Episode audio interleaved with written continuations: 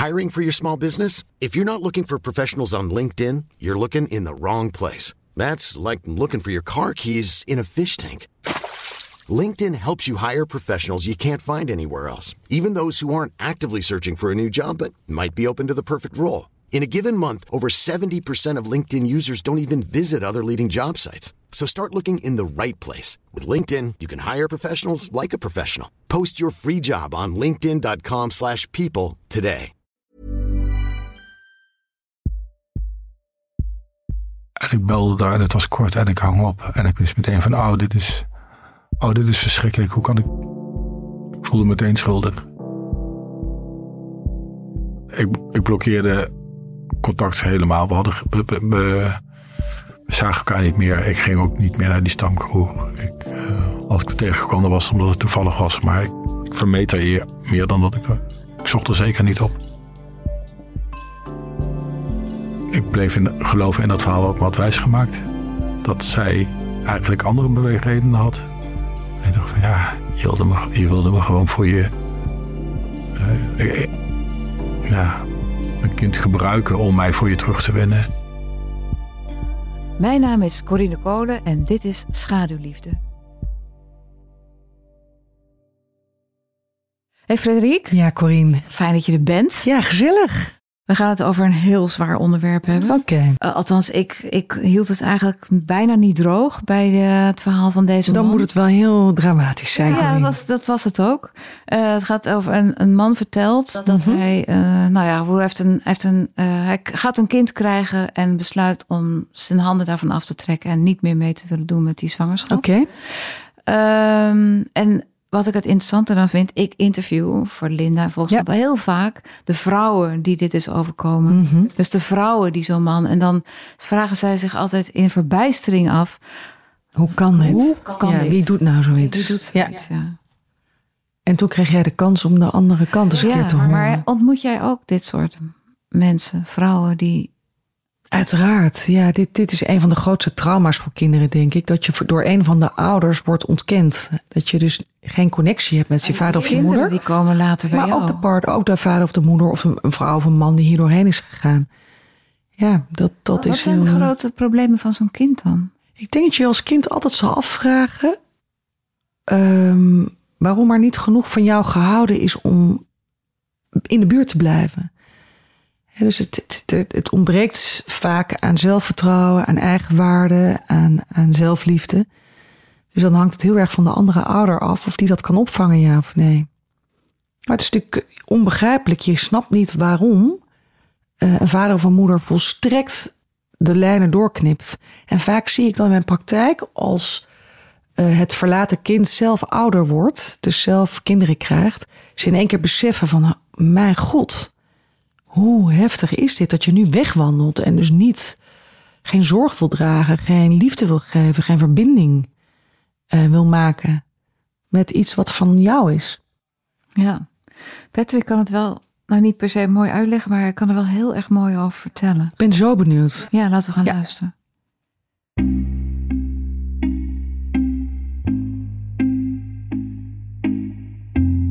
Toen ze een maand of drie zwanger was, toen... Uh...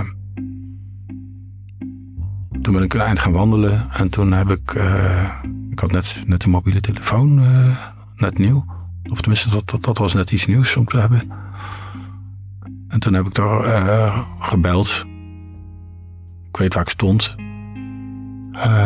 ja, op een kruispunt van, bij in de wijk waar ik toen woonde. Een paar honderd meter van mijn huis vandaan, zodat ik gewoon alleen was.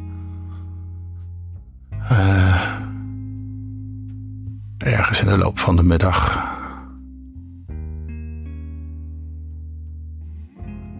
En ik, op de een of andere manier wist ik geen andere oplossing dan dat ik dat moest doen. En ik durfde het niet, maar ik moest wel, want ik kon het niet aan of ik durfde het niet aan. Ik... En ik denk dat mijn zinnen nog korter waren dan dat ze nu zijn, dat het nog meer stokte dan nu. Ik denk dat ik ik weet niet wat ik letterlijk heb gezegd, maar het zal niet veel meer zijn geweest van... Hoi met Patrick.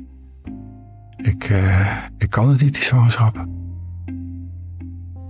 Wat zeg je? Nee, ik wil het niet, ik kan het niet. Dat, dat meen je niet, zoiets als ze hebben gezegd. Jawel, ja, nee, ik kan het niet. Ik heb daar ook toen geen, geen gesprek met haar verder eigenlijk over gehad. Dat was het. Ik weet nog wel dat ik, dat ik meteen na dat gesprek, wat, wat in mijn herinnering in ieder geval heel kort heeft geduurd. Ik wist meteen na afloop van dat gesprek vanaf dat moment, en heeft daarna dus nog heel lang geduurd, wist ik meteen van, de, ik heb nu iets heel ergs gedaan. Ik wist meteen dat, ik, dat het fout was wat ik deed. Toen al.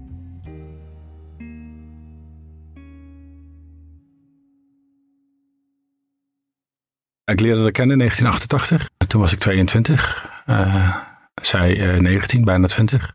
Ik leerde haar kennen via een, uh, door de telefoon. Ik belde een vriend van mij en die was niet thuis. En ja, je kon dat alleen nog per telefoon doen natuurlijk. Um, we hadden meteen een heel erg leuk gesprek over van alles. En ja, dat, dat, dat klikte meteen. En dat is heel erg spannend als dat alleen een gesprek is. We zaten ook een beetje in dezelfde sociale groep. Maar, uh, dus we gingen op een ook samen naar de stamkroeg. En uh, ja, veel muziek leuk. Samen tafelvoetbal spelen in die stamkroeg. En de hele tijd was je gewoon aangetrokken. Werd je verliefd op haar? Ja, enorm. Ja. ja. Uh, en dat was ook wederzijds. Die eerste jaren hebben we uh, heel veel mooie momenten gehad. Maar het was ook wel duidelijk dat we allebei ook nog niet volwassen waren. Zij verhuisde net naar, die, uh, naar, naar, de stad, Ze ging net op kamers wonen. ik woonde daar wel al langer, maar ik was zelf zeker helemaal nog niet volwassen. Ik was nog, voor mijn leeftijd denk ik nog, nog erg bleu.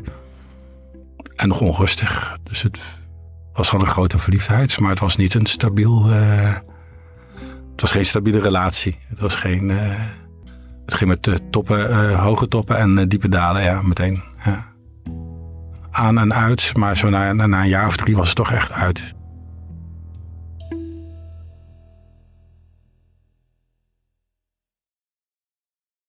we hielden toch contact in de jaren daarna. En. ehm En zo af en toe was er ook wel iets meer dan vriendschap toch nog. Maar we noemden het in ieder geval geen relatie. We dachten als we het nou anders noemen.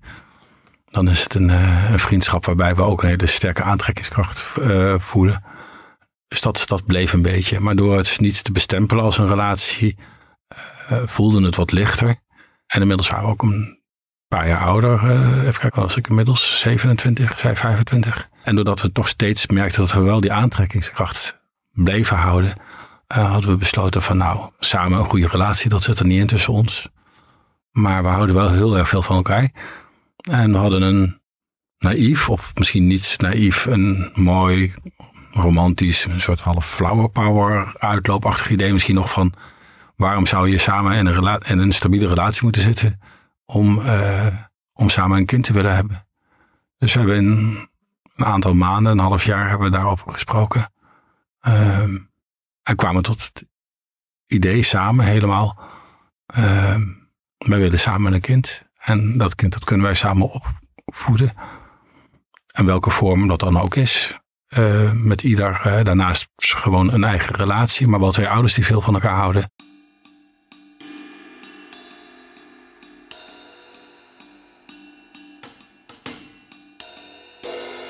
De eerste test leek het van niet, terwijl ze was over tijd. En uh, toen leek het heel even dat ze toch niet zwanger was. En, uh, en korte tijd daarna, een week of twee weken daarna, bij een tweede test was, ze wel, uh, was het wel positief. Um, ik denk dat ik, ik denk dat er toen iets gebeurde in mij wat, wat wat schok of wat nadenken. Ik denk dat ik, in, dat ik toen voelde van, oh, maar dan moet ik nu volwassen worden. Nu moet ik staan voor wat ik heb gezegd, waar ik in wilde, wat ik graag wilde, wat we allebei graag wilden. En toen kwam er een soort paniek. Ja, maar, maar, kan ik dat wel? Um, ik weet nu dat dat niet waar is, maar ik ben toen op een gegeven moment gaan geloven dat zij. Uh, dat ze mij eigenlijk probeerde te binden via dat kind. Dus dat het eigenlijk een manier was om mij wel voor zich te houden. En dat ben ik in die tijd, in die eerste maanden van haar zwangerschap, ehm, ben ik dat gaan geloven. En dat kon ik niet bespreken. En ik kon ook niet bespreken dat ik die grote verantwoordelijkheid moeilijk vond om aan te gaan. Ik had nooit geleerd om te praten over gevoelens. Tenminste, thuis niet. Ehm, ik was eigenlijk meer opgegroeid met het idee dat gesprekken gaan over hoe laat moet je waar zijn. Dat soort dingen. Dat is ongeveer de diepte van, van gesprekken die ik bijvoorbeeld met mijn ouders had. Uh, en niet hoe voel je je of hoe gaat het met je. Of waar twijfel je aan of waar zit je mee. Dat soort gesprekken die, uh, die kende ik toen nog niet. Dus het bleef in mij zitten.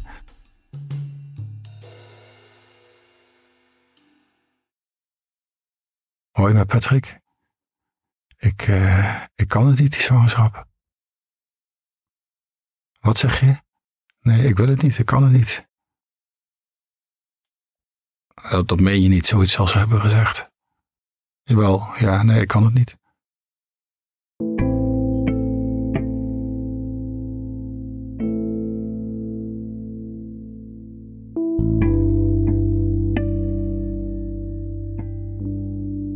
Oh, dit is verschrikkelijk. Hoe kan ik. Ik voelde me meteen schuldig. Ik, ik blokkeerde contact helemaal. We, hadden, we, zagen elkaar niet meer. Ik ging ook niet meer naar die stamkroeg. Ik, uh, als ik er tegenkwam, was het omdat het toevallig was. Maar ik, ik vermeed er eer, meer dan dat ik. Ik zocht er zeker niet op. Ik bleef in, geloven in dat verhaal ook wat wijs gemaakt. Dat zij eigenlijk andere beweegredenen had. En ik dacht van ja, je wilde me, je wilde me gewoon voor je... Uh, ja, een kind gebruiken om mij voor je terug te winnen. En ik ben het vanaf toen, gewoon terwijl ze nog zwanger was, ben ik het zo, heb ik dat zo enorm afgedekt en verdrongen. Uh, ik wist het wel, maar gevoelsmatig, mijn gevoel daarvoor zo extreem afgesloten.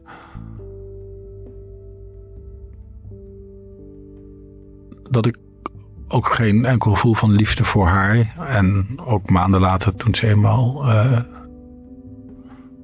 toen haar zoon, onze zoon, geboren was. Ik liet niks toe.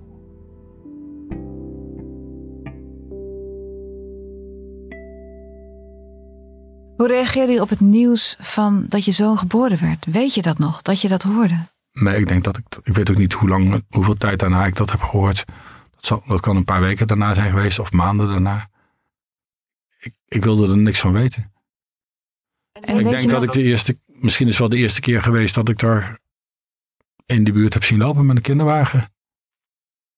Dat was heel erg.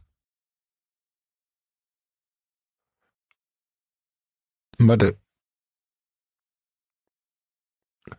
de schaamte voor wat ik had gedaan was zo groot dat ik, dat ik niks durfde.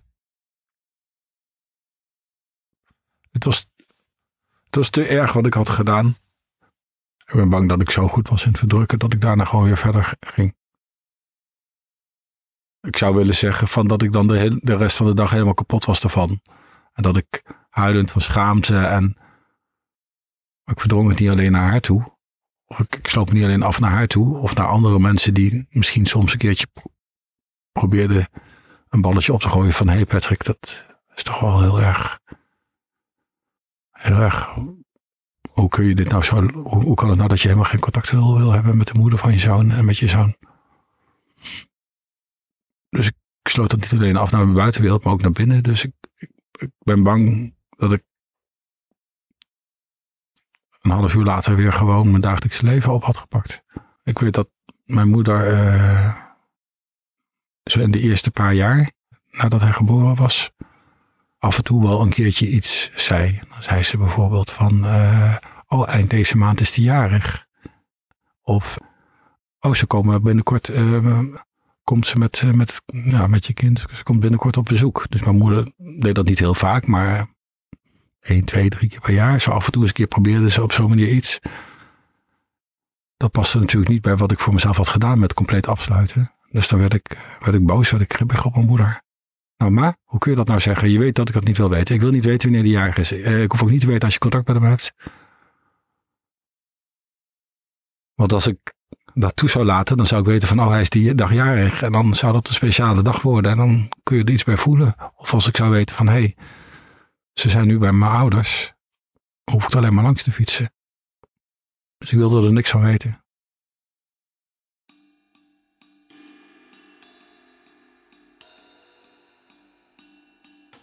Ik ben in 2001 naar de andere kant van de stad verhuisd. Uh, uh, ik woon in het oosten van het land. En uh, ik ben toen in 2001 binnen die stad verhuisd omdat ik een vrouw had leren kennen uit de Randstad. En in 2004 kregen wij samen een kind. En hebben jarenlang samen een relatie gehad. Waarin ik dus wel voor, een ander, voor mijn andere kind zorgde ik al.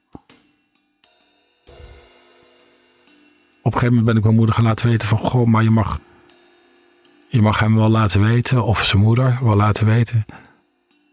dat ik ook wel open sta voor contact. Pas toen, hij, toen mijn zoon 16 was, heb ik voor het eerst, uh, heb ik hem voor het eerst durven te schrijven. Ik kreeg, ik kreeg niks rechtstreeks terug. Uh, hij was wel uh, met zijn zestiende wel op social media, Hives of hoe het ook heette. toen zag ik in, de, in de week dat hij die kaart heeft gehad, zag ik dat hij ergens korte tekst zonder mijn naam te noemen had geschreven als van, oh er is iemand 16 jaar te laat wakker geworden. En misschien dat er nog een verwensing achter stond, ik weet het niet meer letterlijk. ja, logisch met 16. Dat is echt de meest slechte timing die ik had kunnen hebben. Was het twee, drie jaar eerder geweest, dan zat hij nog niet zo helemaal in zijn puberteit. Maar als je 16 bent en iemand die er nooit voor je is geweest, komt dan met een kaart. Ja, dan uh, is het ook logisch dat hij heeft gedacht van, nou, val me dood. Heb je het daarbij gelaten toen? Ik heb niet nog een kaart gestuurd. Ik ben niet langs geweest. Ik heb geen brief gestuurd. Ik heb ook niet een brief of een kaart aan zijn moeder gestuurd. Na zijn zestiende ben ik nog een aantal jaren doorgegaan. Alleen maar via mijn moeder dus. Dus zelf niet meer gedurfd dan dat. Uh, toen hij... Uh, zes jaar geleden, toen, toen was hij 22. Toen hoorde ik... Toen had ik steeds nadrukkelijker tegen mijn moeder gezegd van... Maar je moet wel zeggen dat ik hem echt graag wil zien. Hè? Als hij tenminste wil. Maar dat ik dat hij niet denkt dat ik het maar zo uit beleefdheid is. Ja, ja, ik heb het duidelijk gezegd. En ook tegen zijn moeder, ja. En uh, zes jaar geleden, toen hij 22 was, toen uh, kreeg ik van mijn moeder te horen. Ik weet nog, ik zat op het terras in mijn geboortestad weer aan het oosten van het land. En uh, heb je het verteld? Heb je het wel tegen hem gezegd? maar ja, ja. En hij, ik, ik moet je laten weten dat hij binnenkort contact met je op wil nemen. Daar was ik zo blij mee. Ik kon niet wachten. Ik was zo blij dat, er, ja, dat hij voor open stond. Dat, hij, dat ik hem mocht zien. Dat heeft toen nog wel twee jaar geduurd voordat hij ook echt zo ver was.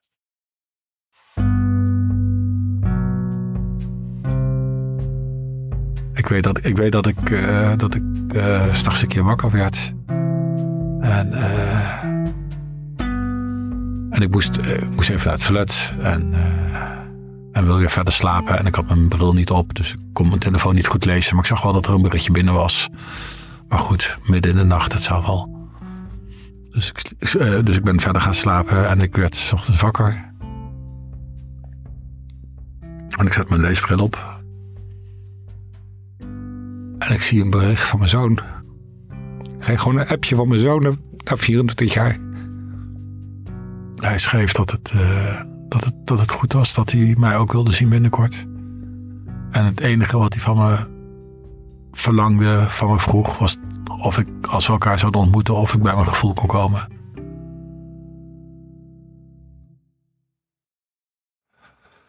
We hadden afgesproken op een zondag om één uur. En ik dacht echt de hele, naarmate die dag dichterbij kwam, was ik op die dag zelf van, oh, ik, ik, wist niet waar ik, wist niet waar ik het zoeken moest zo spannend, zo graag om te zien en het zo, je hartkloppingen en benen die, die gewoon weigerden te lopen. Uh, zo moeilijk. Dus ik ben, ben naar hem toe gefietst. Het was uiteindelijk maar, uh, maar een kwartiertje fietsen van mijn huis naar zijn huis. En het voelde echt zo zwaar, die laatste kilometer fietsen. Ik, ik kwam bijna niet vooruit. En ik zat ook van, oh ja, ik kan ook niet te vroeg komen, maar ik wil ook niet te laat. Dus ik wilde precies op tijd komen. Dat ik denk van ja, alsof dat er nog toe deed of zo. Maar ja, dat moest dan wel kloppen. En uh, hij woonde in, uh, hij had een kamer in zo'n portiekwoning. Dus met zo'n steile trap eerst naar de voordeur. Dus die beklom ik. En toen belde ik aan. toen hoorde ik gestommel. En ik hoor iemand trap afkomen. Ik kon hem niet goed zien. Het was mat glas, dus ik zag, al, ik zag wel zijn gestalte, maar kon hem nog niet zien. En hij maakt open. En dan kijk, kijk elkaar recht in de ogen aan.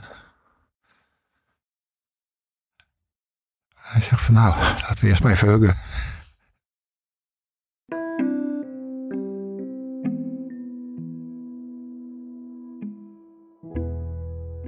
We hebben daar minutenlang in die, in die deuropening gestaan. Denk zo enorm vastgehouden. Ik weet dat ik meteen enorm moest huilen. Ik weet niet of hij meteen huilde of dat dat later pas kwam, maar alle gevoel kwam eruit. En zijn, zijn lijf. Zoals zijn lijf voelde en zoals hij eruit zag. Het was gewoon een soort kopie van een jonge versie van mezelf. Ja, dan wat liever en wat wijzer, maar, maar fysiek gezien. Ik voelde dat, dat jongenslijf, nou ja, met, met 24, ietsjes ouder dan een jongen, maar precies mijn bouw. Hij, uh, nadat, hij, die, nadat we elkaar minutenlang hadden om, omhelst, zijn we naar zijn kamer gegaan. Die zondagmiddag die duurde uren en uren. We hebben, ik denk dat we zeven, acht uur lang elkaar hebben gezien meteen. Een paar uur, eerst een paar uur bij hem in zijn, uh, op zijn kamer. Daarna einde door de stad gelopen. Langs de haven gelopen. Weer terug naar zijn kamer. En, uh, en het, in het begin, in het begin van dat gesprek, toen was het natuurlijk zo, ja, waar ik weet niet meer precies hoe we begonnen, maar ik weet wel dat een van de eerste dingen die die vroeg was van, dat sloot natuurlijk aan bij dat appje van, ik, ik wil wel dat je bij je gevoel kunt. Dus een van zijn eerste grote vragen was, uh, of ik er nog steeds achter stond wat ik toen had gedaan, die beslissing.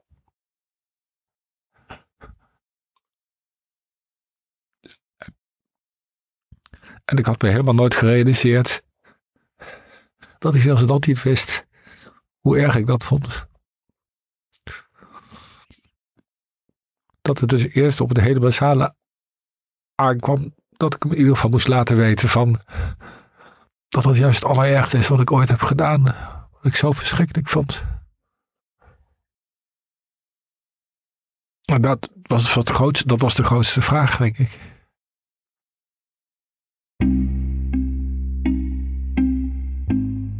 Hij heeft een, een, jaar geleden, dat was van heel mooi een jaar geleden heeft hij tegen zijn moeder, uh, niet, niet tegen mij, want er zou het nog sociaal wenselijk kunnen zijn, maar hij heeft een jaar geleden met zijn moeder gedeeld.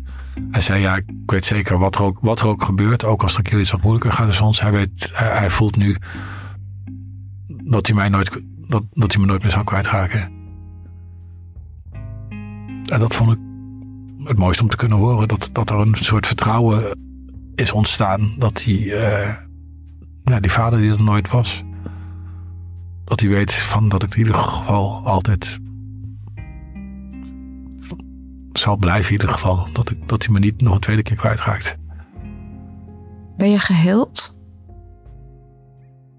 Ja, dat is wel een flink litteken hoor.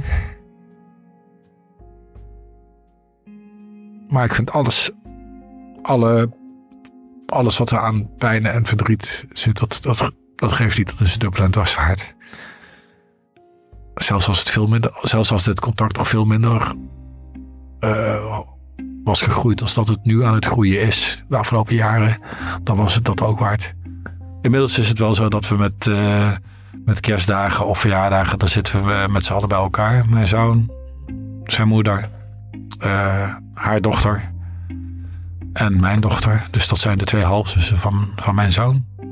En dan zit iedereen bij elkaar en dan eh, hebben we na, uh, na ruim een kwart eeuw... doen we eigenlijk wat we van plan waren. Namelijk samen van hem houden, samen voor me zorgen.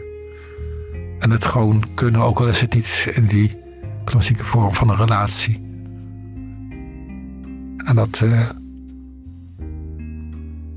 ja, ze heeft ook wel een absoluut een heel belangrijk streepje voor. Die, de, band met mijn zoon die is onvoorwaardelijk.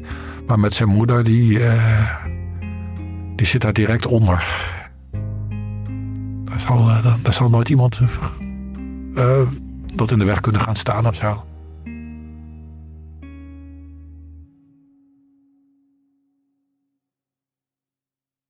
Frederik, ik ben zo benieuwd wat jouw eerste reactie is.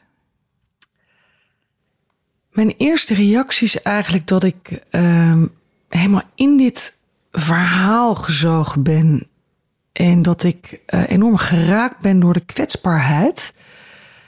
Uh, ja, van hoe hij dit vertelt. Het is van iemand die geen emoties kon uiten, geen, geen taal had, geen emotioneel vocabulaire had heeft hij zich zo ontzettend mooi ontwikkeld tot een man die zo'n verhaal kan vertellen op deze manier. Ja, hij heeft zich enorm ontwikkeld. En dit treurige, deze tragiek heeft hem in ieder geval wel heel veel gegeven ook, zie ik. Dus ik hoor zoveel cadeaus ook in dit verhaal. Grappig genoeg. Wat bijzonder. Wat voor cadeaus? Nou, A, dat hij het contact met zijn zoon weet te herstellen. Dat is echt heling in actie. Al duurde het behoorlijk wat jaren, maar in heel veel gevallen komt dit nooit meer goed. En dit heeft toch een happy end. En zij zijn in staat om hun vader-zoonband te herstellen. En hij is ook nog in staat om de band te herstellen met de moeder van het kind, met zijn ex-vriendin. Ja, prachtig en, en hoopvol. Is het dan eind goed al goed? In dit geval zie ik heel veel mooie ontwikkelingen. En jij vraagt op het einde van de podcast van ben je geheeld? Um, ik denk dat het in dit geval ook heel erg gaat over de zoon. Is de zoon geheeld? En ik denk als we de zoon zouden spreken dat die ontmoeting voor hem een ongelooflijk groot cadeau is. En dat zijn vader in staat was om hem de erkenning te geven wat hij een hele grote fout had gemaakt. En dat hij het nooit zo had willen doen. En dat hij ongelooflijk dankbaar is dat zijn zoon hem wil ontvangen en wil omarmen in zijn leven. En soms is een oprecht excuus uh, zo belangrijk in dit soort verhalen. Dat zo'n kind kan voelen, ja, hij wilde het echt niet. Het spijt me enorm. Maar je begon net te vertellen dat uh, kinderen hier eigenlijk nooit meer overheen komen. Dat ze zich altijd hun hele leven zullen blijven afvragen: was ik het niet waard om uh, bij Als er geen heling heeft plaatsgevonden. En ik zie vaak dat die heling maar mondjesmaat uh, plaatsvindt. En we zien hier een hele mooie heling plaatsvinden. Waarin de vader met lood in zijn schoenen en zijn hart vasthoudt voor wat er gaat komen. En die confrontatie waar hij zo bang voor was, die komt uiteindelijk. En dan zegt de zoon: Laten we eerst maar even huggen. Nou ja, sorry jongens, het is echt een mooie scène uit een film. Ja, het is, geweldig. Film, eigenlijk. Maar van deze jongen zo ontzettend mooi dat hij voelt dat hij zijn vader op dat moment moet helpen en toe moet laten. Ja, dat is prachtig. Dat betekent dat deze jongen inderdaad heel wijs is. Hij had ook heel boos kunnen worden. Had ook de deur open kunnen doen en kunnen zeggen. Ja, daar had ook een hele boze ontlading kunnen komen. Maar hij omarmt zijn vader in liefde. En daar begint het verhaal opnieuw. Ja, ik vind, vind het bijzonder dat je het zo. Natuurlijk zie ik dat ook. Ik zie ook dat die, die tragiek van die 24 jaar die je gemist hebt. Ja, maar zeker. lost dat dan zomaar ineens nee, op? dat lost niet zomaar. Dat lost niet zomaar ineens op. Dat heeft tijd nodig. Hij vertelt ook, Patrick vertelt dat het vertrouwen herstelt. Hij is ontzettend gemotiveerd om zijn zoon te laten voelen dat hij nooit meer zal afhaken. Ik ben hier, ik blijf, ik ga je nooit meer verlaten. En ik denk dat Patrick heel goed heeft kunnen uitleggen aan deze zoon, zoals, hij dat nu ook fantastisch in deze podcast doet, dat hij emotioneel niet capabel was op 27-jarige leeftijd om de verlamming van schaamte te doorbreken en zijn moeder te, het opnieuw het gesprek aan te gaan. Dat hij gewoon in een ontkenning is gedoken, dat hij zijn hart heeft dichtgezet, dat hij in totale eh, paniek, alles heeft uitgeschakeld. Alsof het niet bestond. En dat kan hij natuurlijk, heeft hij heel mooi kunnen uitleggen. In ieder geval deze podcast. Dus ik neem aan dat hij dat ook op die manier zijn zoon heeft meegenomen in een verhaal. Van hoe komt het nou dat je zoiets doet? Want als we naar de stem luisteren van Patrick, naar de manier waarop hij communiceert, hoe mooi hij dit doet, dan kunnen wij ons niet voorstellen dat dezelfde Patrick ooit een kind heeft ontkend. Want ik denk bij Patrick's, eh, de, de manier waarop hij dit vertelt en de warmte in zijn stem, aan een hele fijne, zachte, leuke man die, uh, ja. Ja, en 27 is ook weer niet piepjong. Maar ook niet heel oud. Want hij geeft aan dat hij eigenlijk nog helemaal niet volwassen was. En dat het onrustig was in de relatie. En het was aan en het was uit. En pieken en dalen. En ze waren jong. En hij was een beetje bleu, zegt hij ook. Je? Dus hij voelt nu, en dat is vaak ook als we dingen verwerken, dan kijken we terug en dan begrijpen we ook iets beter waarom we de dingen doen zoals we ze doen. En hij was niet klaar eigenlijk voor het ouderschap. Dat zag hij achteraf. Hij had geen emotionele uh, volwassenheid bij zich, waardoor hij het gesprek goed kon, kon voeren met, met de vrouw, de moeder van het kind. Hij voelt in één keer paniek. En vanuit paniek is hij gaan hakken. En hij schaamt zich direct. Hij zegt ook heel mooi. Meteen naar dat telefoontje, wat echt heel typerend is. Twee zinnen. En het hing op. En ik heb gezegd dat ik er niks mee te maken had, dat ik het niet kon. En dat was het. Dus er is helemaal geen onderbouwd verhaal. Hij hangt op en hij voelt direct. Dit kan niet wat ik nu doe. Ja, en wat ik me dan afvraag. Je weet, het is een slimme man, een intelligente man. Hij weet dat hij iets ontzettend doms heeft gedaan. En dat je dan dus kennelijk niet in staat bent om te denken: oh kut, ik heb iets zo stoms gedaan. Ik moet nu zo snel nog met haar gaan praten, herstellen. Ja. Klopt. En, en wat hij vertelt, of wat ik dan uh, intuïtief een beetje invoel, is dat die schaamte zo groot is geweest en hij zo niet capabel is geweest om daarmee om te gaan, dat hij totaal verlamd is geraakt. En heeft ergens in zijn systeem heeft bedacht, als ik het ontken, bestaat het niet. En heeft hij ook nog een verhaal bedacht waarom hij dit mag doen. Dus in zijn hoofd bestaat het verhaal dat zij hem getricked heeft. En dat hij dus daarom geen verantwoordelijkheid hoeft te nemen. Zij heeft hem erin geluisterd. Maar wat is dat dan voor iets wat dan iemand zo overvalt en wat dan kennelijk niet een, een, een, een week duurt, geen maand, maar 24, nou niet 24 jaar, maar wel 15, 16 jaar? Ja, nou, hoe langer dit duurt, hoe erger het wordt uiteraard. Hij heeft vermoedelijk niet geleerd om over emoties te praten, maar dus ook niet hoe voeren we lastige gesprekken, hoe kom ik ergens op terug maar, en hoe ga ik iets aan. Maar er zijn toch zoveel mensen die dat niet geleerd hebben? het is toch... Dit is een extreem voorbeeld en het gebeurt. En hij heeft op dat moment in plaats van hulp te zoeken. je kan ook goede vrienden in vertrouwen nemen. Eh, naar je huisarts gaan desnoods. Uh, vertrouwenspersonen gaan zoeken. Een therapeut. Uh, wellicht toch nog je familie die misschien heel onhandig is en dit soort dingen. Maar die moeder speelt uiteindelijk een hele belangrijke rol in het herstel van de relatie. En hij doet het niet. Hij blijft in die ontkenning zitten. En die is wel stevig. Dus daar heeft hij hopelijk, ik denk het wel zo te horen in hoe hij erover spreekt, wel wat therapeutisch werk op gedaan. Wat is dit in mij? Wat gebeurde er in mij waardoor ik gewoon niet in staat was om ergens op terug te komen? Want zo simpel was het. Hij had er gewoon nog een keer moeten bellen. Sorry, ik was in paniek. Het verlamt me. Dat hele ouderschap is, vind ik doodeng. Ik weet helemaal niet of ik er klaar voor ben. En dat kan een normale reactie zijn. Dan praten we daarover. Maar dat kon hij niet. En dan, dan ben je dus kennelijk in staat, want ik vind dat dus echt eigenlijk heel fascinerend, ook van dit hele verhaal, dat je dus kennelijk dan als mens in staat bent om, om alles te ontkennen en je daar helemaal voor af te sluiten. Ja, dus het verhaal wat we geloven in ons hoofd. En als we daar niet over praten, als we niet geconfronteerd worden, dan bestaat het ook niet. Het, het, het is een afgesloten doosje. Het staat ergens op de plank. Lekker dicht laten. Die moeder probeert dan ook op een gegeven moment nog een beetje wat balletjes op te gooien. Dan wordt hij ook boos. Laat me met rust. Je weet dat ik hier niet kan en over wil praten. Dit mag niet wakker worden. En op een gegeven moment komt hij dan toch op een moment dat hij denkt: ja, zou ik toch niet eens een keer contact op moeten nemen? Ik ben ook heel erg benieuwd wat er in hem gebeurde. De jongen was 16 en toen voelde hij in één keer toch de drang. Hij had natuurlijk een tweede kind gekregen. Misschien dat dat een rol speelde. Zou kunnen. Zou kunnen, ja. En toen merkte hij dat hij het wel kon? Ja, ik, ik, ik kan me ook bijna niet voorstellen dat er mensen zijn die dit uiteindelijk helemaal uit hun systeem krijgen. Er moet af en toe iets opborrelen in je hoofd? Hoe zou het gaan? Wat, wat... Ja, ik, wat ik zo mooi vond juist, is dat hij zei van ja, ik zou eigenlijk willen zeggen dat ik daar dan de hele dag van, van slag was als ik haar zag lopen met die kinderwagen. Of Maar dat was natuurlijk niet. Maar dat was niet zo. Nee. nee, dus die ontkenning is ongelooflijk stevig. Totaal afgesloten emotioneel systeem. Ik voel niks, ik sluit hem af. Maak jij dat veel mee? Niet veel, dit is extreem. Maar dat mensen hun emoties goed kunnen uitschakelen, maak ik natuurlijk wel veel mee. Tuurlijk, maar ja, en wat had de omgeving kunnen doen? Wat had bijvoorbeeld die moeder voor rol kunnen spelen? Wat hadden zijn vrienden voor rol kunnen spelen? Nou, die hadden hem natuurlijk wel kunnen wijzen op zijn plicht, op, op zijn zorgplicht. Dat hij haar niet eens zomaar in de steek had kunnen laten. En wel kunnen zeggen van, luister, dit moet opgelost worden. Laten we met elkaar, laten we je helpen om een gesprek te voeren. Ik kan me voorstellen als je een club goede vrienden hebt en iedereen kent elkaar. Dat hele goede vrienden zeggen van, joh, luister, we gaan helpen. Ja, jij zei net dat de vraag hoort, moet eigenlijk niet zijn, ben jij geheeld, maar is, is de zoon geheeld?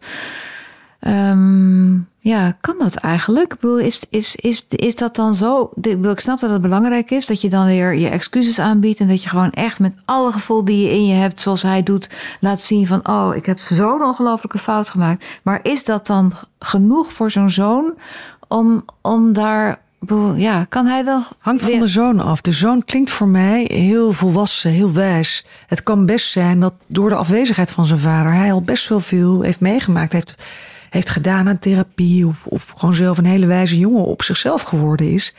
En, en, en, be- en begrip en compassie kan tonen. Want dit is wat hij laat zien, deze jongen. Hij trekt de deur open en hij toont compassie.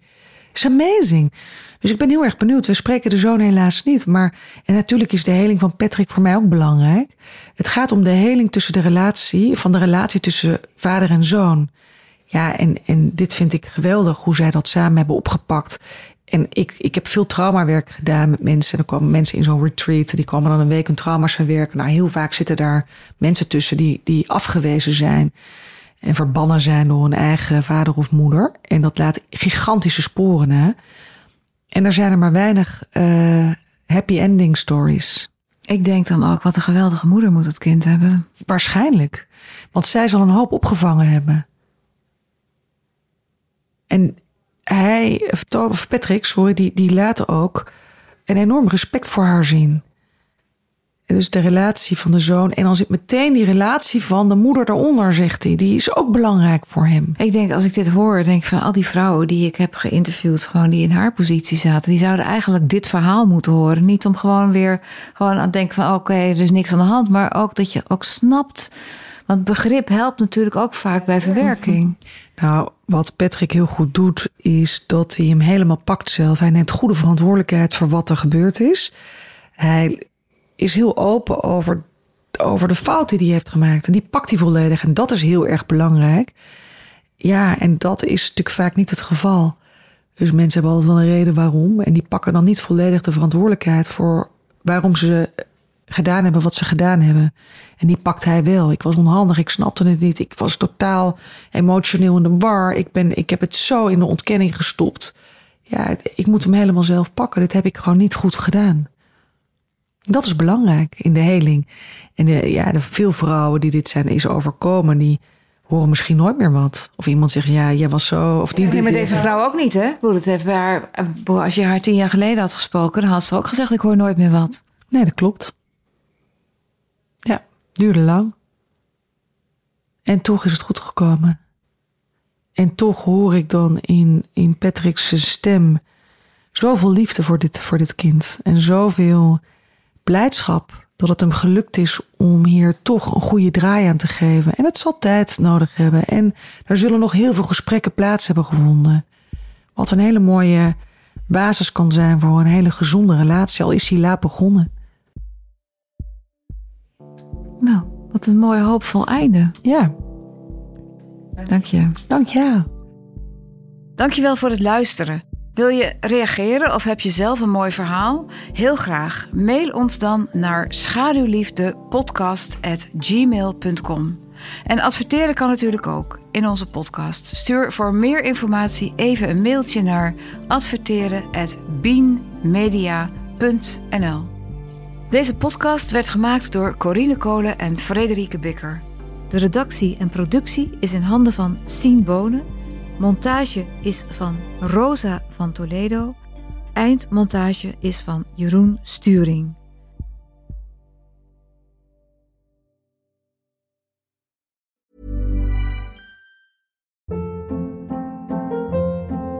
Hold up. What was that? Boring. No flavor. That was as bad as those leftovers you ate all week. Kiki Palmer here, and it's time to say hello to something fresh and guilt-free. Hello Fresh. Jazz up dinner with pecan-crusted chicken or garlic butter shrimp scampi. Now that's music to my mouth. Hello Fresh. Let's get this dinner party started. Discover all the delicious possibilities at hellofresh.com.